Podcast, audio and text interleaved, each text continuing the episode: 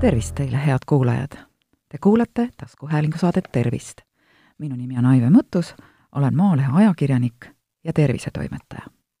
meie kliimamöötmes on vähe sellist aega, kus meid ei ründa viirushaigused. esimesed gripipuhangud tulevad sügisel ja viimased taanduvad enne suve. ning lisaks kõik need enam kui kakssada viirust, mis võivad põhjustada ülemiste hingamisteede nakkushaigusi ajakirjanduses ja sotsiaalmeedias kohtame pidevalt õpetusi, mida peame sööma ja mida jooma, et oma immuunsust tugevdada.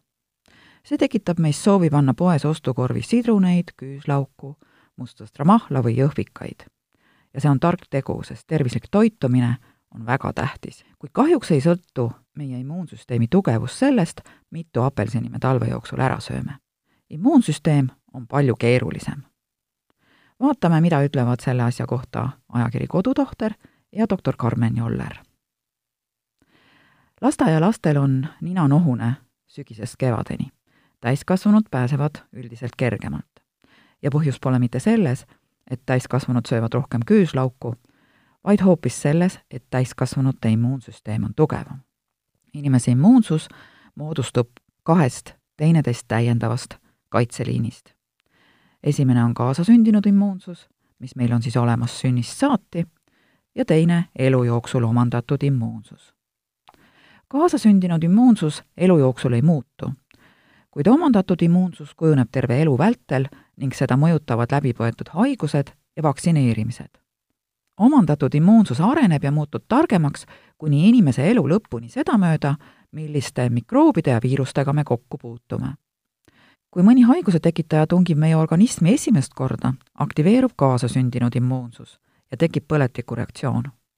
sellest võitlusest võõraste mikroobide või viirustega jääb organismi mälusse jälg ehk omandatud immuunsus. kui sama või siis ka samalaadne haigustekitaja üritab uuesti organismi tungida, süttib immunoloogilises mälus lamp. ta tunneb pahalase ära ja teab juba, kuidas selle vastu võidelda ning me kas ei haigestu üldse või põeme haiguse kergemalt läbi. immunoloogid on veendunud, et varases lapsepõlves peab inimene kokku puutuma erinevate haigustekitajatega, et omandatud immuunsus areneks ja allergiate risk väheneks. just sellepärast peavadki lapsed kas või salaja sööma lund ja panema suhu põrandale kukkunud toidutüki täiskasvanu eas hakkab äh, organismi hakkamasaamist haigustekitajatega järjest rohkem mõjutama üleüldine tervis ja ka elustiil. erinevad haigused võivad immuunsust nõrgendada. eaka, mitmesuguseid haigusi põdeva inimese immuunsus on nõrgem kui noore ja terve inimese oma. tervislik elustiil vähendab haigestumisriski alati.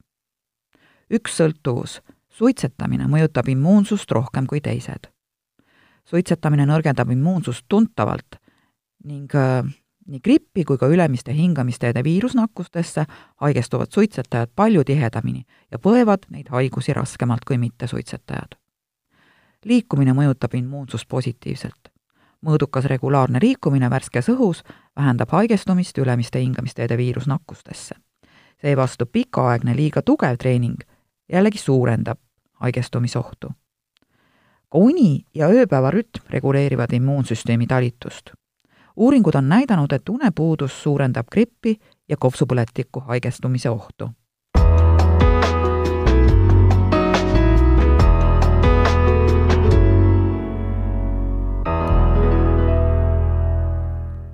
tervislik toitumine mõjutab kõiki tervist hoidvaid füsioloogilisi protsesse ja aitab viirushaigusi ennetada.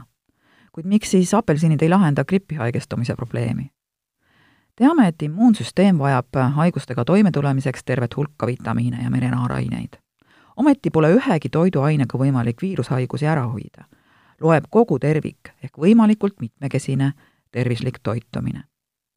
see on väga oluline soolestikubakteritele, kellel on suur roll haiguste vastu võitlemisel.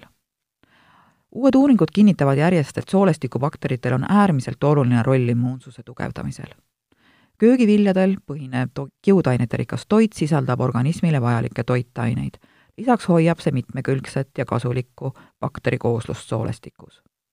prebiootikumid on ained, mida head soolestikubakterid kasutavad oma toiduks. kiudainete rikkad täisteratooted, kaunviljad, marjad, puu- ja köögiviljad sisaldavad just prebiootikume heade bakterite toitu. probiootikumid on aga piimhappebakterid nagu bifidobakterid, laktobakterid ja teised head mikroobid, mis tasakaalustavad seedesüsteemi bakterikooslust.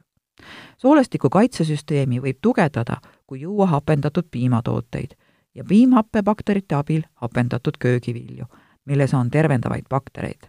väga hea selline toit on näiteks hapukapsas. kuid toit ei ole ülikiiresti mõjuv imeravim.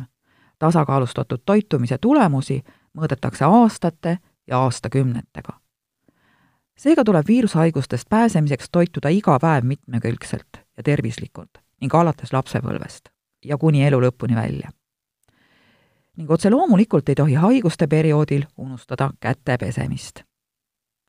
muidugi on apelsin, mustsõstramahl, küüslauk ja muud toidud tervislikud ja kasulikud, kuid meeles peab pidama, et neid tuleb süüa kogu aeg, mitte ainult siis, kui haiguste periood on käes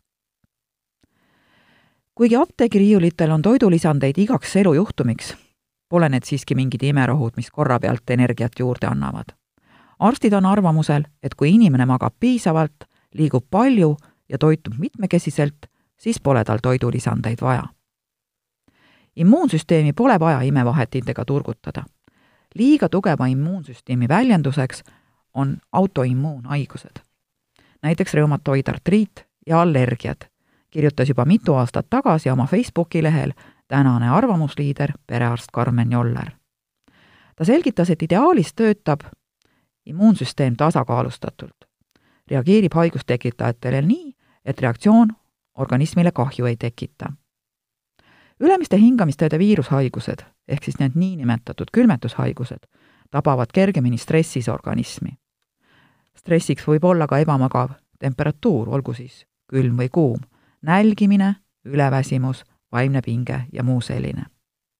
kui me soovime neist haigustest hoiduda, tuleb organismi stressitaset langetada. kui organism on harjunud külma ja kuumaga ning temperatuurivahetustega, ei ole äkki külma või kuuma kätte sattumine enam stressi tekitav, selgitas doktor Joller karastamise positiivset mõju niinimetatud külmestushaiguste ennetamisel. kui toitume regulaarselt ja mitmekesiselt, on organismil olemas varu ka mõne näljapäeva jaoks kui hoiame unerežiimi enam-vähem paigas ning oskame toime tulla vaimse pingega, siis on ka meie keha haigustekitajatele vastu pidama. seega ärge uskuge neid, kes püüavad teile müüa immuunsüsteemi tugevdavaid vahendeid. uskuge neid, kes räägivad, et piisab tervislikust toidust, värskes õhus liikumisest, piisavast unest ja heast tujust. kui kõik see on olemas, ei vaja me juurde ühtegi vitamiini ega toidulisandit, välja arvatud D-vitamiin, mida me peaksime siinses kliimavöötmes elamise tõttu talvekuudel siiski tarvitama. ja kui haigus tulebki, pea kindlasti organismi stressitaset kohe veelgi vähendama, andma kehale puhkust, et energia kuluks pigem haigusega toimetulemisele kui keha töös hoidmisele.